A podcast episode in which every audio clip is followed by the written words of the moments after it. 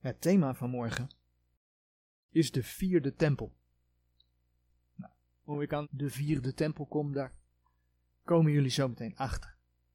De laatste tijd hebben we onder andere stilgestaan bij de valse eenheid die men aan het kweken is. Via onder andere een valse opwekking. En door vooral gericht te zijn op een zogenaamde liefde, zonder de waarheid van Gods woord. Het wel over Gods woord hebben, maar zodra het erom gaat, goed praten wat de Heer zonde noemt. En we zagen dat dat mensen uit verschillende richtingen bij elkaar brengt. Maar ook dat dat precies is wat de Heer voor de grote verdrukking laat zien dat moet gaan gebeuren. En de Heer noemt dat geestelijke hoererij. In openbaring 17 kom je dat tegen. Mensen zijn wel religieus bezig, maar buigen uiteindelijk niet voor de waarheid van Gods woorden. Ja, en die beweging is nu modern, maar zal uiteindelijk eigenlijk maar een korte tijd bestaan. Want ja, als je bedenkt dat het hoogtepunt daarvan in de grote verdrukking is, en die grote verdrukking is maar zeven jaar. Bij die Eukemene past ook het onlangs geopende Abrahamic Family House. Het Abraham familiehuis in Dubai. Waar men één complex gemaakt heeft. Waar, en ik weet niet of ik met dat ik het noem het juiste gebouw aanwijs, maar er zijn drie gelijkvormige gebouwen. Die wel elk hun eigen karakter hebben. En wat men daar samengebracht heeft, dat is een rooms-katholieke kerk. Dat is een synagoge en dat is een moskee. En dat noemt men dan het Abraham Family House. Een van de uitvloeisels uit de Abraham Accords, de Abraham Akkoorden, waar uh, onder andere president Trump mee begonnen is. En uh, premier Netanyahu van Israël. Destijds. Dat past daarbij. Op 1 maart is dat complex geopend voor het publiek. En de rabbi van de Joodse Raad in de Arabische Emiraten, die zei er het volgende over. En dat heb ik gehaald uit het artikel wat, waar daar het plaatje van op de dia staat. Ik citeer een stukje. In feite is dit de eerste synagoge in een eeuw die in de regio is gebouwd. Door dit te doen, zendt de regering een geweldige boodschap uit, een van tolerantie en acceptatie, aangezien ze de verschillende Abrahamitische religies toestaan om hier samen te komen om te aanbidden. In feite aanbidden we dezelfde God. Tot zover het citaat. Maar de God van de Bijbel is niet dezelfde God als de God van de islam. Als je alleen al kijkt naar de rotskoepel in Jeruzalem, op die rotskoepel, daar schijnt op de gevel te staan hè, dat Allah God is, maar dat Allah geen zoon heeft. Dus het is niet dezelfde God. Het is een andere God. Je zou kunnen stellen dat alle drie, en let goed op wat ik zeg, alle drie de genoemde religies, die daar dus gehuisvest zijn, dat die inderdaad dezelfde God dienen. Want ze zijn alle drie in ongehoorzaamheid aan Gods woord. Ze zijn alle drie in ongehoorzaamheid aan Gods woord. Ze leren alle drie geen wedergeboorte door het geloof in het volbrachte werk van de Heer Jezus. Ja, de Rooms-Katholieken geloven dat Jezus Christus naar de aarde is gekomen. En geloven zelfs nog dat Jezus Christus voor de zonde van de mensen gestorven is. Maar, zoals we in de delen over het Rooms-Katholicisme gezien hebben, geloven ze niet dat het volbrachte werk van de Heer Jezus voldoende is. Ze geloven niet dat het ene offer en de opstanding van de Heer Jezus, dat dat rechtvaardigt. Daarvoor heb je, zeggen ze, de sacramenten nodig. Dus louter en alleen geloof in Jezus, geloven dat Jezus naar de aarde is gekomen, dat redt niet. Jacobus 2, vers 19 zegt dat de duivelen ook geloven. En laat de schrift zien, alleen wanneer je met je hart gelooft, dat zijn sterven en opstanding voor jou persoonlijk is. En dat dat jou persoonlijk rechtvaardigt voor God. En niet anders, dus geen andere dingen daaromheen. Op dat moment ben je behouden. Want dan vertrouw jij volledig op het volbrachte werk van de Heer Jezus Christus. Dus dat waren de Rooms-Katholieken. De Joden die hebben hun Messias nog steeds verworpen. Zijn dus niet in gehoorzaamheid aan Gods geopenbaarde woorden. De moslims zien Jezus slechts als een profeet. Alle drie staan ze dus onder leiding van, en laten we dan 2 Korinthe 4 vers 4 opzoeken. Alle drie staan ze onder leiding van inderdaad dezelfde God, namelijk de God deze eeuw. Zoals de King James het uitdrukt, de God van deze wereld. Die mensen verblindt voor het reddende evangelie van Jezus Christus. In 2 Korinthe 4 vers 4 lezen we. In de welke de God deze eeuw de zinnen verblind heeft, namelijk der ongelovigen, opdat hen niet bestralen de verlichting van het evangelie der heerlijkheid van Christus, die het beeld Gods is. Ja, de duivel verblindt, de vijand van God verblindt, zodat mensen ja, de verlichting van de Heer Jezus, dat ze dat niet zien. En vandaar ook dat die hele beweging van de ecumenen, en mensen die religieus bezig zijn, leidt tot die valse, hoererende eenheidskerk van de grote verdrukking. Want eigenlijk dienen ze dezelfde God, de God van deze wereld. En ja, met die valse, hoererende wereldkerk gaat de Heer Jezus afrekenen. Dat lees je in Openbaring 17 en 18. Daar gaat een einde aankomen. Zo was er een tijdje terug op Israël 365 Nieuws te lezen dat, naar aanleiding van die Abraham Accords, de Abraham akkoorden, een Israëlitische politicus, die voor Israël ambassadeur is bij de Verenigde Naties, het volgende uitsprak. Die ambassadeur zei, en ik citeer dus weer een, een stukje uit dat artikel, het is slechts een kwestie van tijd voordat moedige leiders uit de schaduw treden en volledige vrede wordt bereikt tussen alle kinderen van Abraham. Deze uitspraak is gedaan 9 december 2022. Daar is het artikel van. Dus het is slechts een kwestie van tijd, citaat hè, voordat moedige leiders uit de schaduw treden en volledige vrede wordt bereikt tussen alle kinderen van Abraham. Einde citaat. Nou, op grond van Gods woord weten we dat er inderdaad een groot leider zal opstaan, de Antichrist. In het nieuwsbericht lezen we dat men over moedige leiders spreekt. Dat is meervoud. Nou, dan ga je in Daniel 11, vers 27 kijken en dan zie je inderdaad dat er koningen zijn. En daar worden met name, als ik het goed heb, twee koningen genoemd. Die om de tafel gaan zitten. Daar zijn natuurlijk, wil je een verdrag hebben, zijn er meerdere nodig. Maar één daarvan is de antichrist. Dus dat verdrag zal met de antichrist gesloten worden voor een periode van zeven jaar. Daniel 9, vers 27. Laten we eens kijken wat Jezaja 28 daarover zegt. Jezaja 28, vers 14 en 15. Jezaja 28, vers 14 en 15. Daarom hoort des Heere woord, gij bespotters, gij heersers over dit volk dat te Jeruzalem is, omdat gij lieden zegt, wij hebben een verbond met de dood gemaakt, en met de hel hebben wij een voorzichtig verdrag gemaakt. Wanneer de overvloeiende geestel doortrekken zal, zal hij tot ons niet komen. Want wij hebben de leugen ons tot een toevlucht gesteld en onder de valsheid hebben wij ons verborgen. Het principe wat, wat de Heer hierin zegt is, jullie maken een verbond met de vijand, met de dood, zodat die vijand jullie met rust laat. Dat is wat mensen daarvan verwachten. Daarom sluiten ze vredesakkoorden. Maar omdat Israël geen hel zoekt bij de Heer, kom je door de profeten heen, kom je dat tegen, dat ze vluchten naar Egypte. Dat ze vertrouwen op Egypte en de Heer zegt, vertrouw niet op Egypte, vertrouw op mij. Dus omdat ze hun heil niet zoeken bij de Heer, maar bij haar vijanden, zou dat opnieuw Israëls ondergang worden. Kijk maar in vers 18 van Jesaja 28. En dan zeg ik ondergang, niet een gehele ondergang, niet geheel, maar toch. Weet je, het is nodig om uiteindelijk het overblijfsel van het volk, want de Heer spreekt iedere keer over het overblijfsel dat hem aan gaat nemen. Om uiteindelijk het overblijfsel van het volk tot werkelijke inkeer te laten komen, zodat ze hun heren zullen aannemen.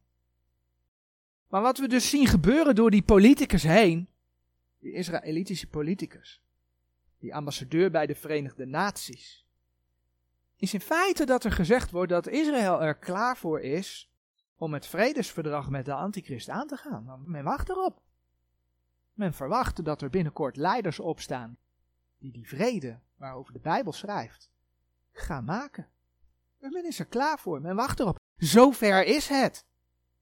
Deze antichrist Daarvan weten we, hè, 2 Thessalonicense 2 vers 4, dat hij zich in de tempel van God zal gaan zetten. Die zal zich in de tempel gaan zetten.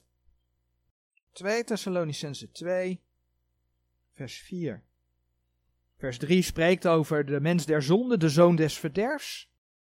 En daarover zegt dan 2 Thessalonicense 2 vers 4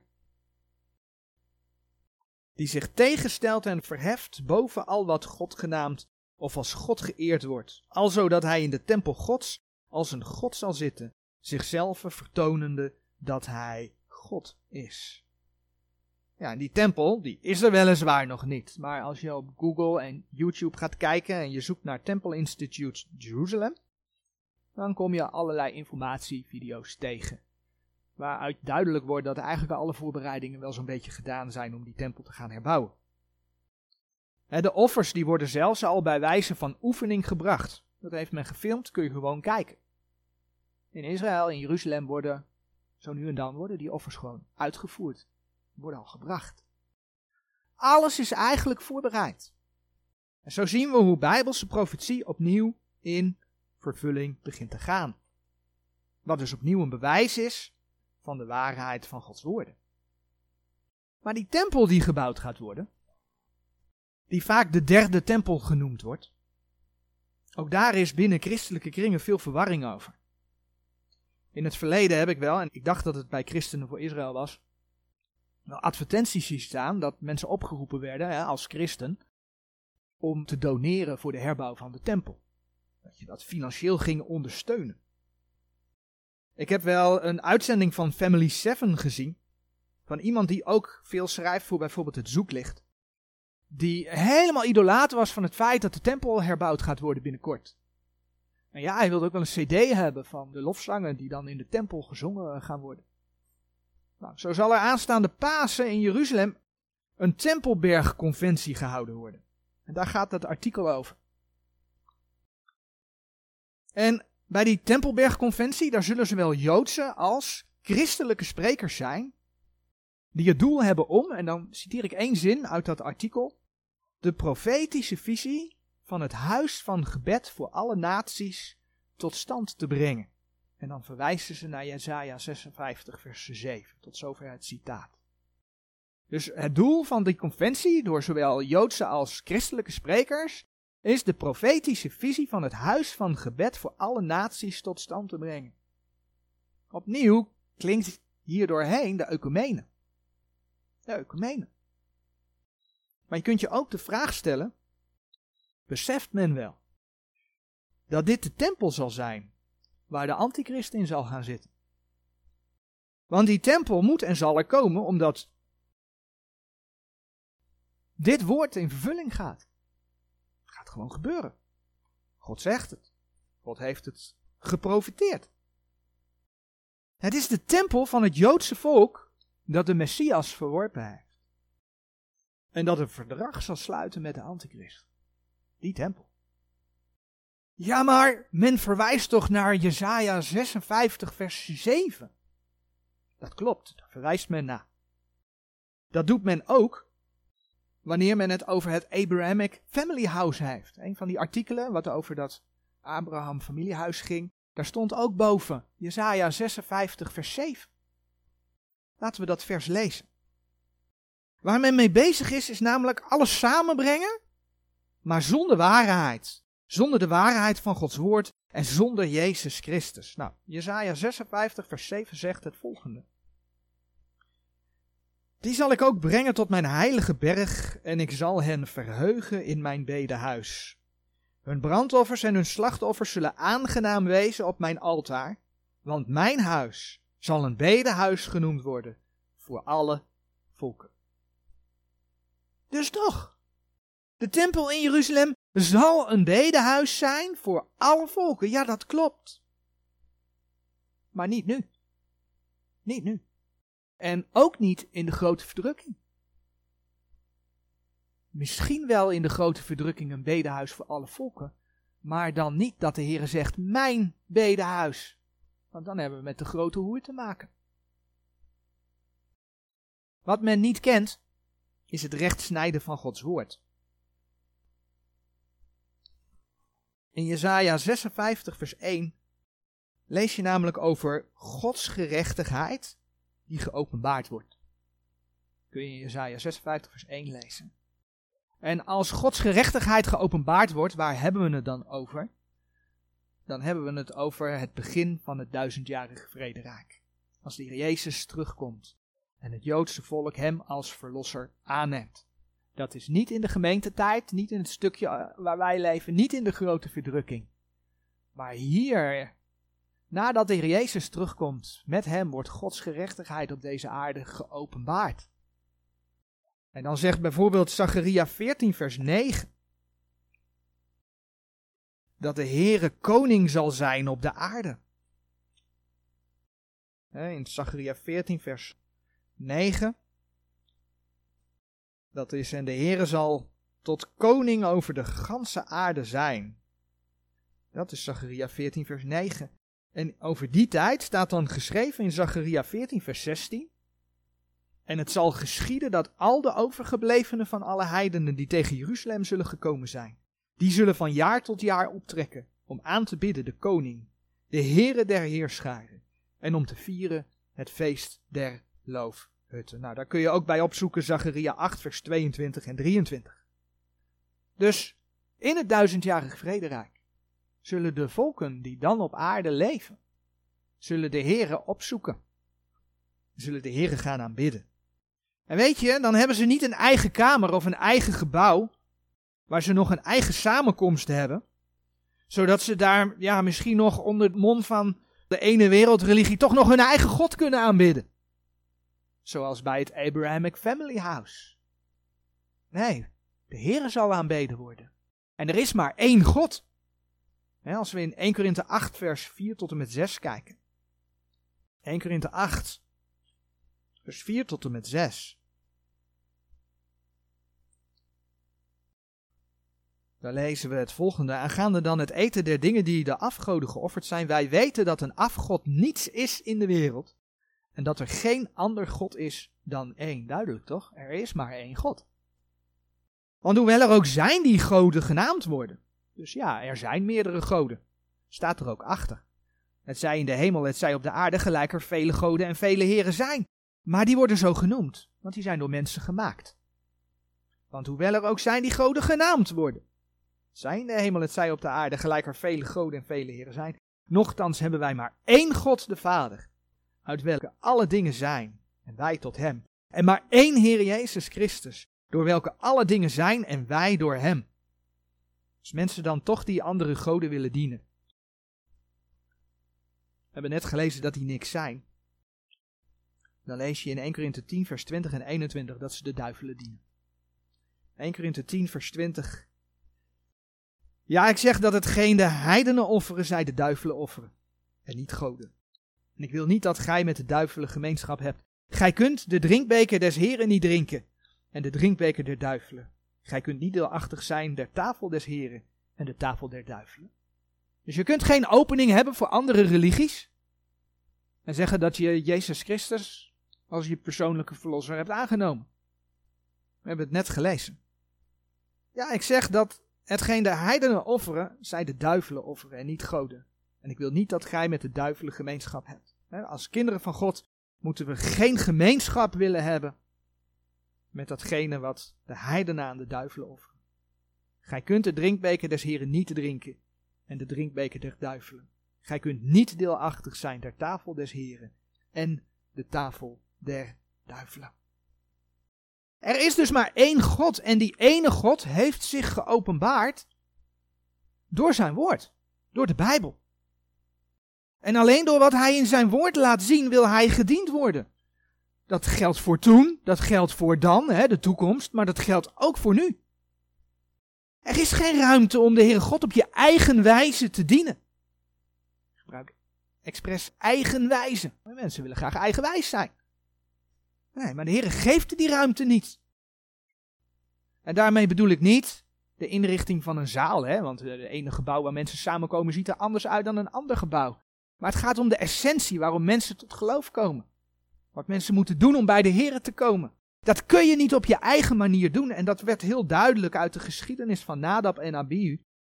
waarvan we lezen in Leviticus 10, vers 1 en 2.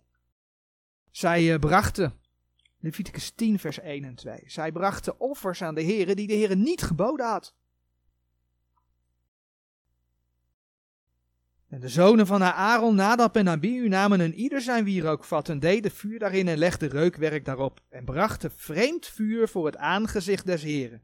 En waarom was het vreemd vuur? Nou, dat staat er, het welk hij hun niet geboden had. En kijk wat er toen gebeurde in vers 2. Toen ging een vuur uit van het aangezicht des Heren en verteerde hen. En zij stierven voor het aangezicht des Heren. Ja, en vandaag de dag worden er natuurlijk geen offers gebracht, geen vuuroffers gebracht. Maar dat is niet omdat we dat zelf bedacht hebben. Van nou, wij gaan dat maar eens even anders doen.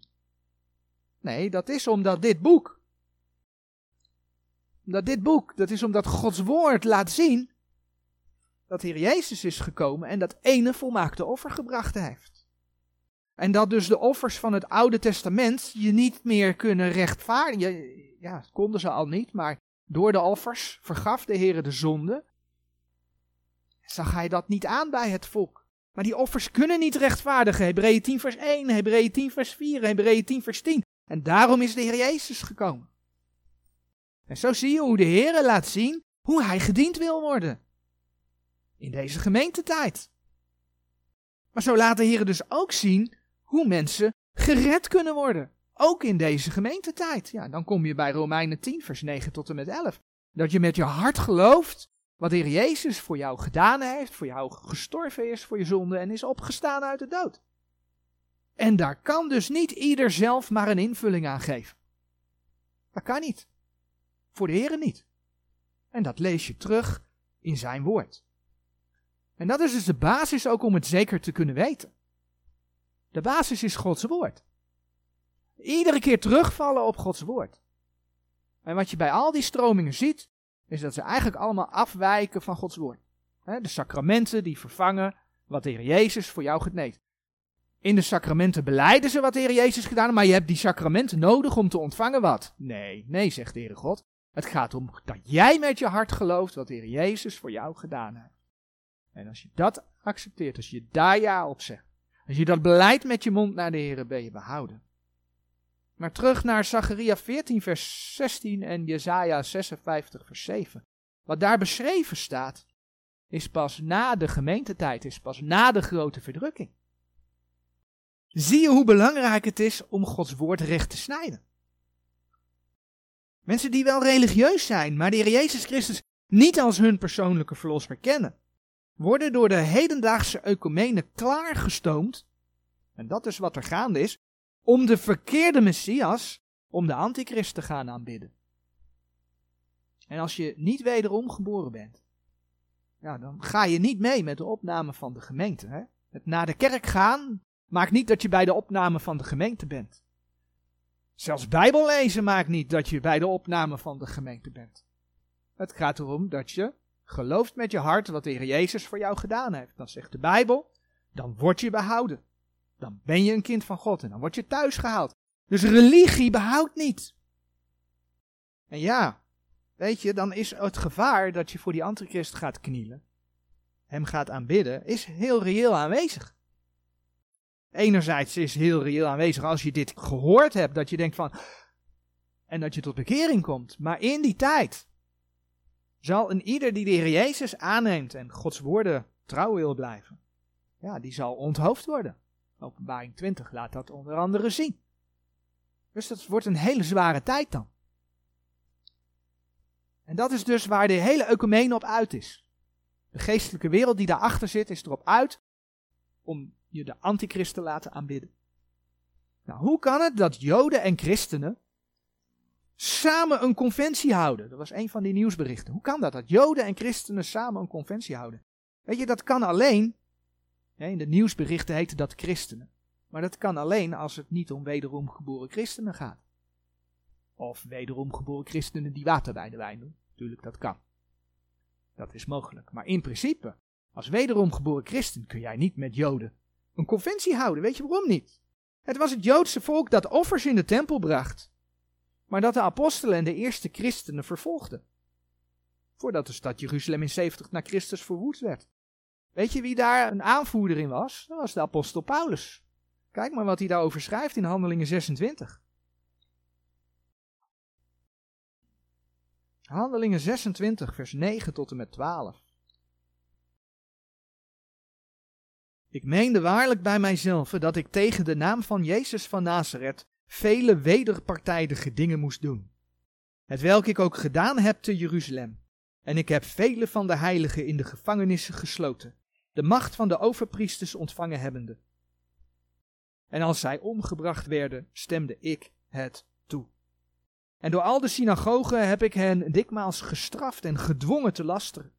En bovenmate tegen hen woedende heb ik hen vervolgd, ook tot in de buitenlandse steden, waarover ook als ik naar Damascus reisde met macht en last, welke ik van de overpriesters had. Even tot zover. Paulus, toen hij nog niet bekeerd was, hij was een religieuze Jood. Hij was een religieuze Jood. Maar hij had niet Heer Jezus aangenomen als zijn persoonlijke verlosser. Toen hij nog niet bekeerd was, vervolgde hij als Jood de gemeente van Jezus Christus. En dat deed hij fanatiek.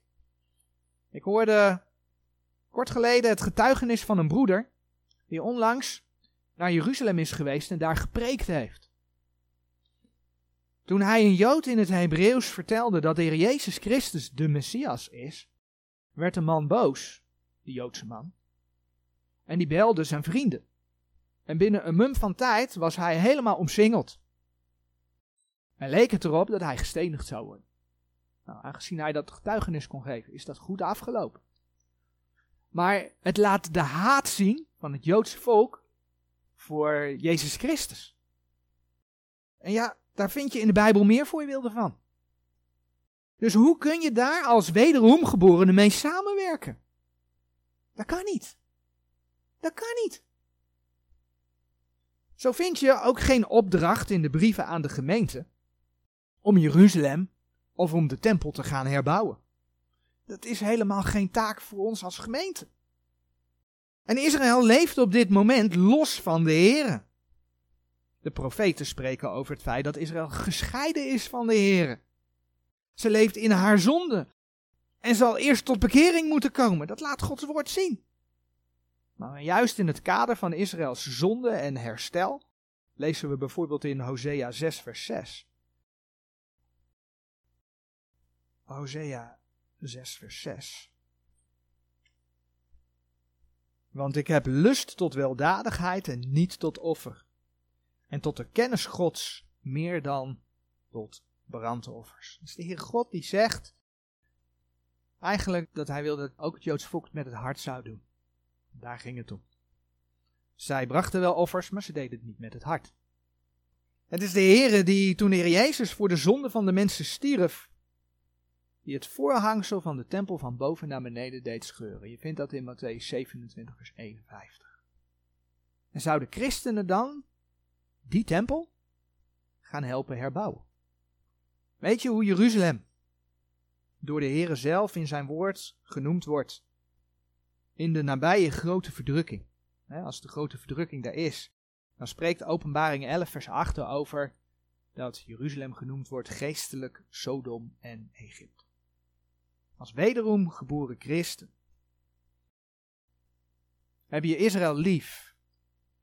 Alleen daar moet je wel mee oppassen, want bij heel veel organisaties zie je dat het een doorgeslagen liefde is. En alles wat Israël doet is dan goed. Maar waarom heb je als wederom geboren christen Israël lief? Omdat je weet dat uit dat volk de Messias voortgekomen is. Jouw redder is daaruit voortgekomen. Omdat je weet dat dat volk jou Gods woorden gegeven heeft. Daarom heb je dat volk lief. Maar de tempel herbouwen, dat is niet voor wederom geboren kinderen van God. Absoluut niet. In deze tijd mag je zien dat Gods woorden in vervulling gaan. Dat mag je dan zien met zo'n herbouw van de tempel. En dan mag je je vertroost weten uit het feit dat de Heer spoedig gaat komen. Dat is je vertroosting. Nou, ik noemde al even dat de tempel in het duizendjarige vrederijk, dat de vierde tempel zal zijn. En daarmee maak ik onderscheid tussen die tempel die men nu gaat herbouwen. De derde tempel noemt. Dus er, er komt een derde tempel. Maar er zal dus een andere vierde tempel komen. Het zal een andere, opnieuw een nieuwe tempel zijn. Dus, soms hoor je dat als argument, ja, maar die tempel gaat gebouwd worden, uiteindelijk zal de Heer Jezus daarin komen. Maar nee, die tempel is helemaal niet de tempel waar de Heer Jezus in gaat komen. Het is de tempel waar de antichrist in gaat komen. Het is de tempel van het ongelovige Israël dat een verbond met die antichrist zal sluiten. Blijkt dat uit Gods woord? Ja. Laten we daar naar kijken. De derde tempel, waar de antichrist zich in zal laten aanbidden, gaat namelijk opnieuw verwoest worden. Laten we naar Daniel 8 bladeren.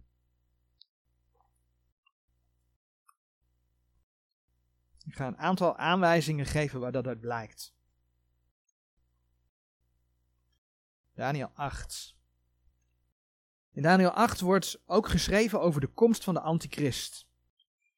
En dat is overigens in tegenstelling tot wat vaak geschreven wordt. Vaak wordt gezegd dat Daniel 8 dat dat geschiedenis is en dat dat in vervulling is gegaan, zou zijn gegaan met Antiochus Epiphanes in 175 voor Christus. Maar als je de tekst goed gaat lezen, dan zie je bijvoorbeeld in Daniel 8 vers 17 en 25 dat het wel degelijk over de antichrist gaat.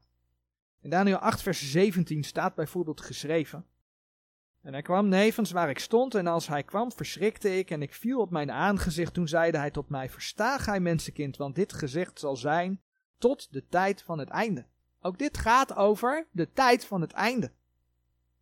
En in Daniel 8, vers 25 lezen we over zijn opstand, hè, van degene waar dat dan over gaat, de opstand tegen de vorst der vorsten. En dan staat er in Daniel 8, vers 11 over de kleine horen, welke uitnemend groot werd, Daniel 8, vers 11, het volgende geschreven. Ja, hij maakte zich groot tot aan de vorst des heers. Als je dan daar des heers leest, in het vers ervoor wordt gesproken over het heer des hemels. En van dezelfde werd weggenomen het gedurig offer. En de woning zijns heiligdoms werd nedergeworpen. Dat was Daniel 8, vers 11. Hier staat dus dat de woning zijns heiligdoms zal worden nedergeworpen. Die tempel gaat opnieuw verwoest worden. En christenen kunnen dus maar beter iets beters met hun goud en hun spaarcenten doen, dan het in de huidige herbouw van die derde tempel te stoppen. Nu spreekt Daniel 8 vers 14 over het feit dat het heiligdom gerechtvaardigd zal worden. Wanneer alleen dat vers 14 er geweest zou zijn, dan zou je kunnen denken dat inderdaad die derde tempel hè, na de grote verdrukking gerechtvaardigd gaat worden. En dat de Heer zijn intrek zou kunnen nemen. Maar het gaat niet alleen om rechtvaardiging. De woning van het heiligdom is ook neergeworpen geweest. Dat hebben we net in vers 11 gelezen. En dat betekent dus dat die tempel opnieuw herbouwd zal worden en vervolgens gerechtvaardigd zal worden. Is dat iets raars? Nee. Toen de tabernakel gebouwd werd, lees je bijvoorbeeld in Exodus 40 vers 9, dat die tabernakel, toen die nieuw gebouwd werd, dat die geheiligd moest worden. Er ging vaak ook een soort van inwijding, kwam daar aan te pas. En ook in Ezekiel 40, in Ezekiel 40 en, en de hoofdstukken daarna wordt de bouw van de tempel in het duizendjarig vrederijk besproken. En als je die beschrijving goed leest, dan lees je dat het daar om een nieuwe tempel gaat. Een nieuwe tempel die, en dat is ook wel van belang, nooit meer verontreinigd zou gaan worden. In Ezekiel 43, vers 7, daar lezen we bijvoorbeeld. En hij zeide tot mij, mensenkind, dit is de plaats mijn troons. En de plaats der zolen mijner voeten, al waar ik wonen zal, in het midden der kinderen Israëls in eeuwigheid. En die van het huis Israëls zullen mijn heilige naam niet meer verontreinigen. Zij nog hun koningen, met hun hoererijen met de dode lichamen hunner koningen, op hun hoogte. De tempel die in de nabije toekomst gebouwd wordt, kan dus niet deze tempel zijn van Ezekiel 40, want die zal wel verontreinigd gaan worden. Ezekiel beschrijft dus de bouw van een nieuwe tempel. Dus de vierde tempel, zoals blijkt uit Ezekiel 43, vers 10 en 11 bijvoorbeeld. Gij mensenkind, wijs het huis Israëls dit huis, opdat zij schaamrood worden vanwege hun ongerechtigheden, en laat hen het patroon afmeten. En indien zij schaamrood worden vanwege alles wat zij gedaan hebben, zo maak hun bekend de vorm van het huis en zijn gestaltenis, en zijn uitgangen en zijn ingangen, en al zijn vormen en al zijn ordinantiën, ja, al zijn vormen en al zijn wetten. En schrijf het voor hun ogen, opdat zij zijn ganse vorm en al zijn ordinantiën bewaren en dezelfde doen. Daar zie je beschreven dat als Israël tot bekering is gekomen, want ze hebben het schaamrood van alle ongerechtigheden. Nou, wanneer schaam je? Als je spijt hebt van wat je gedaan hebt. Dus dat gaat over Israëls bekering. Dan wordt hun het patroon en de vorm van de nieuwe tempel gegeven om die te doen. Men gaat het bouwen. Net zoals Mozes bij de tabernakel de instructies van de Heere God kreeg om die tabernakel te bouwen. Dat lees je in Exodus. Zo wordt bijvoorbeeld in Exodus 43, vers 18 gesproken over het nieuwe altaar dat ook gemaakt gaat worden. En uiteindelijk lees je dan dat ook deze tempel geheiligd wordt. Dat lees je bijvoorbeeld vanaf Ezekiel 43, vers 19. Dit alles toont aan dat dus die derde tempel, die men binnenkort, of niet al de lange tijd zal gaan bouwen. Of we dat als gemeente nou meemaken of niet. Maar die zal gebouwd gaan worden. Die gaat weer afgebroken worden. Of in ieder geval, die zal teniet worden. En er gaat dus een nieuwe vierde tempel voor in de plaats komen in het duizendjarige vrederijk. En van de stad waar die tempel zal staan, hebben we het natuurlijk over Jeruzalem. Daar wordt de naam door de Here als volgt genoemd in Ezekiel 48, vers 35. En de naam der stad zal van die dag af zijn. De Heere is al daar. Mooi Want de Heere zal op de aarde zijn dan. In duizendjarig vrederijk. De Heere is al daar. Nou, dit zijn de dingen die de Heer over het huidige Jeruzalem en de nabije tempelbouw laat zien. En over de tempelbouw in het duizendjarige vrederijk. Maar als je dat gaat zeggen, dan zeggen mensen prompt, ja maar er staat toch in de Bijbel dat we voor de vrede van, van Jeruzalem moeten bidden? Hoe zit dat dan? Ja, dat klopt, dat staat er inderdaad geschreven. Maar dan komt er opnieuw de vraag: wat is de context van het feit dat de Heer vraagt om voor de vrede van Jeruzalem te bidden? En dat vinden we in Psalm 122, vers 6. En laten we die psalm gewoon lezen. Psalm 122, vers 6, maar laten we de hele psalm lezen. Een lied Hamaloot van David. Ik verblijd mij in degene die tot mij zeggen: Wij zullen in het huis des Heren gaan. Onze voeten zijn staande in uw poorten, o Jeruzalem. Jeruzalem is gebouwd als een stad die wel samengevoegd is, waarheen de stammen opgaan, de stammen des Heren, tot de getuigenis Israëls, om de naam des Heren te danken. Want daar zijn de stoelen des gerichts gezet, de stoelen van het huis Davids. Bid om de vrede van Jeruzalem, wel moeten zij varen die u beminnen. Vrede zij in uw vesting, welvaren in uw paleizen. Om mijn broederen en mijn vrienden wil zal ik nu spreken, vrede zij in u. Om des huizes des Heeren onze Schots wil zal ik het goede voor u zoeken. Nou, vers 6, duidelijk, daar staat, bid om de vrede van Jeruzalem. Wel moeten zij varen die u beminnen. Maar wanneer speelt dat? Nou, dan kijk je in vers 5. En dan lees je in vers 5. Want daar zijn de stoelen des gerichts gezet, de stoelen van het huis Davids. In de King James lees je over de tronen des gerichts. Stoelen des gerichts of tronen des gerichts. Dat geeft aan dat het om meerdere heersers gaat. Nou, de Heer spreekt in zijn woord over een moment dat vanuit Jeruzalem het gericht zal gaan. En dat er dan inderdaad sprake is van meerdere tronen. Je leest het bijvoorbeeld in Matthäus 19, vers 28. Matthäus 19, vers 28. En Jezus zeide tot hen, voorwaar, ik zeg u dat gij die mij gevolgd zijt in de wedergeboorte, wanneer de Zoon des Mensen zal gezeten zijn op de troon zijner heerlijkheid, dat gij ook zult zitten op de twaalf tronen, oordelende de twaalf geslachten Israëls. Het gaat hier over de wedergeboorte. Dat is niet de wedergeboorte van de gemeentetijd, dat je als persoon wederom geboren wordt, maar dit gaat over de wedergeboorte van de aarde. Vandaar dat de Heer Jezus ook zegt, die mij gevolgd is in de wedergeboorte. Daar ga ik nu niet verder op in, maar dat heeft te maken met, met het opnieuw geboren worden van de aarde in het duizendjarige vrederijk. Dat is het moment dat de, de Zoon des Mensen zal zitten op de troon van zijn heerlijkheid. Dat vind je ook in Matthäus 25, vers 31. En dan zullen er meerdere tronen zijn. We hebben dat net gelezen. dat gij zult zitten op twaalf tronen. Nou, openbaring 20 vers 4 kom je dat ook tegen, dat er meerdere tronen zijn. En waarom? Er wordt met de Heeren meegeregeerd. De context van deze psalm, psalm 122, is dan ook het duizendjarig vrederijk. De redding van het volk Israël. En dat duizendjarig vrederijk. En dat geldt voor meer van die psalmen in die context. Dat geldt voor psalm 120, dat geldt voor psalm 121, voor psalm 123, voor psalm 124, voor psalm 125, voor psalm 126. Het gaat bijvoorbeeld over de tijd van benauwdheid. Jacobs benauwdheid. Kijk maar in 120 vers 1. Het gaat over de tijd dat de Joden de verachting zat zijn. dus ze gaan tot bekering komen. Kijk maar in Psalm 123 vers 3. Het gaat over de tijd dat de Heere hun gevangenis gaat wenden. Kijk maar in Psalm 126, vers 1.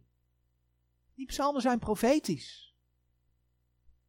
Sterker nog, ze waren profetisch, maar ze zijn nu nog steeds profetisch, want het moet nog plaatsvinden.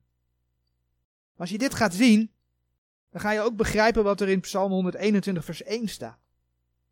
In Psalm 121, vers 1 lezen we: ik hef mijn ogen op naar de bergen van waar mijn hulp komen zal. Dan ga je in de nieuwe vertalingen kijken. En dan wordt eigenlijk van dat tweede gedeelte wordt een vraag gemaakt. De MBV 21, ik zou zeggen lees mee in de Statenbijbel, Psalm 121 vers 1. De MBV 21 heeft daarvan gemaakt. Ik sla mijn ogen op naar de bergen, punt. Van waar komt mijn hulp? Vraagteken. Dat is een vraag geworden. En dat zie je ook in veel liedjes die ervan gemaakt worden. Liedboek voor de kerken, opwekking, noem maar op. Vervolgens is in vers 2, in de nieuwe vertalingen, wel de Heere de hulp. Maar het punt is dat de Statenbijbel laat zien dat inderdaad de Heere de hulp is, ook in vers 2. Maar ook dat die hulp van de bergen komt. Het is namelijk bevestigend. Ik hef mijn ogen op naar de bergen, van waar mijn hulp komen zal. Nou, en als je dan gaat kijken over wat de Heer over de wederkomst laat zien, dan is dat exact de plek waar de Heer terug gaat komen. Waar de Heer vandaan zal komen als hij terugkomt. Als voorbeeld zoeken we Deuteronomium 33 vers 2 op. Deuteronomium 33 vers 2. Hij zeide dan, de Heere is van Sinaï gekomen en is hun lieder opgegaan van Seir. Sinai is een berg. Is hun lieder opgegaan van Seir. Hij is blinkende verschenen van het gebergte Paran. En hij is aangekomen met tienduizenden der heiligen. Tot zijn rechterhand was een vurige wet aan hen. Besef even, hè, dit, dit is de wet, Deuteronomium, de wet. In de wet lees je over de uittocht van het volk uit Egypte en de tocht naar het beloofde land.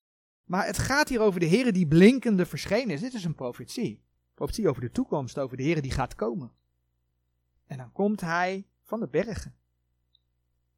Ik denk dat we de tekst allemaal wel kennen in Zacharia 14 vers 4. Dat de Heer laat zien, door de profeet Zacharia heen, dat zijn voeten zullen staan op de olijfberg als hij terugkomt. Zacharia 14 vers 4. En zijn voeten zullen te dien dagen staan op de olijfberg die voor Jeruzalem ligt. Met andere woorden, de psalm is profetisch. Psalm 121 is profetisch. En die psalm gaat gewoon letterlijk in vervulling. Letterlijk in vervulling met de wederkomst van de Heer. Waarom zouden wij naar de bergen kijken? Om hulp te verwachten van de Heer. Dat hoeven wij helemaal niet. Want die psalm die profetisch is, is gewoon nog steeds toekomst. De Heere zal naar de bergen van Israël afdalen om zijn volk uiteindelijk te verlossen. Ja, en ik vind het dan geweldig te zien om ja, hoe, hoe Gods woord gewoon letterlijk klopt, letterlijk uitkomt. Ook in die details. Nou, betekent dat dat je als kind van God geen hulp mag vragen? Ja, natuurlijk wel. Maar we hoeven daarvoor niet naar de bergen te kijken. In Hebreeën 4, vers 16. Daar staat het zo mooi geschreven. Hebreeën 4, vers 16. Laat ons dan met vrijmoedigheid toegaan tot de troon der genade, opdat wij barmhartigheid mogen verkrijgen en genade vinden om geholpen te worden, te bekwamer daad. En dan hoef je je blik dus niet op de berg te richten, maar je mag je blik wel op boven richten. Je mag je blik op de Here richten. Je zegt Colossense 3, de eerste drie versen zo mooi. Indien gij dan met Christus opgewekt zijt, zo zoek de dingen die boven zijn, waar Christus is, zittende aan de rechterhand Gods. Bedenk de dingen die boven zijn, niet die op de aarde zijn, want gij zijt gestorven en uw leven is met Christus verborgen in God. Als gemeente verwachten we de opname van de gemeente. Dan mag je troost zijn als kind van God. Israël zal als volk door die grote verdrukking heen gaan. En daardoorheen zal een overblijfsel van het volk geheel tot bekering gaan komen. En dan gaat voor Israël in vervulling wat we bijvoorbeeld ook lezen in Psalm 121, vers 7 en 8. Psalm 121, vers 7 en 8. De Heere zal u bewaren van alle kwaad. Uw ziel zal hij bewaren. De Heere zal uw uitgang en uw ingang bewaren. Van nu aan tot in der eeuwigheid. Dat gaat God voor het volk Israël doen. Dus als je bidt voor de vrede van Jeruzalem, bid je voor de vervulling van Gods woorden. Dat de Heer zijn gemeente snel mag halen, zodat hij ook snel terugkomt voor zijn volk. Want dan zal Jeruzalem in vrede leven. Dan zal de vrede vanuit Jeruzalem over de hele aarde gaan. Het is eigenlijk een gebed voor Gods gerechtigheid ja, te midden van een wereld die vol zit met ongerechtigheid. En daarnaast mag je natuurlijk bidden wat de apostel Paulus laat zien door de brieven aan de gemeente. Dat er ook vandaag de dag Joden mogen zijn die de Here alsnog mogen leren kennen. Dan worden ze onderdeel van de gemeente, zullen ze ook opgenomen worden. Gaan ze niet die grote verdrukking door. Romeinen 10 vers 1 laat zien hoe Paulus voor ze bidt. Tot zover. Laat je dus niet in verwarring brengen door al die christelijke organisaties die zeggen dat je Israël moet helpen bouwen. Het beste wat je voor Israël kunt doen is bidden. Bidden dat er toch nog mogen zijn die de Heer leren kennen. Amen.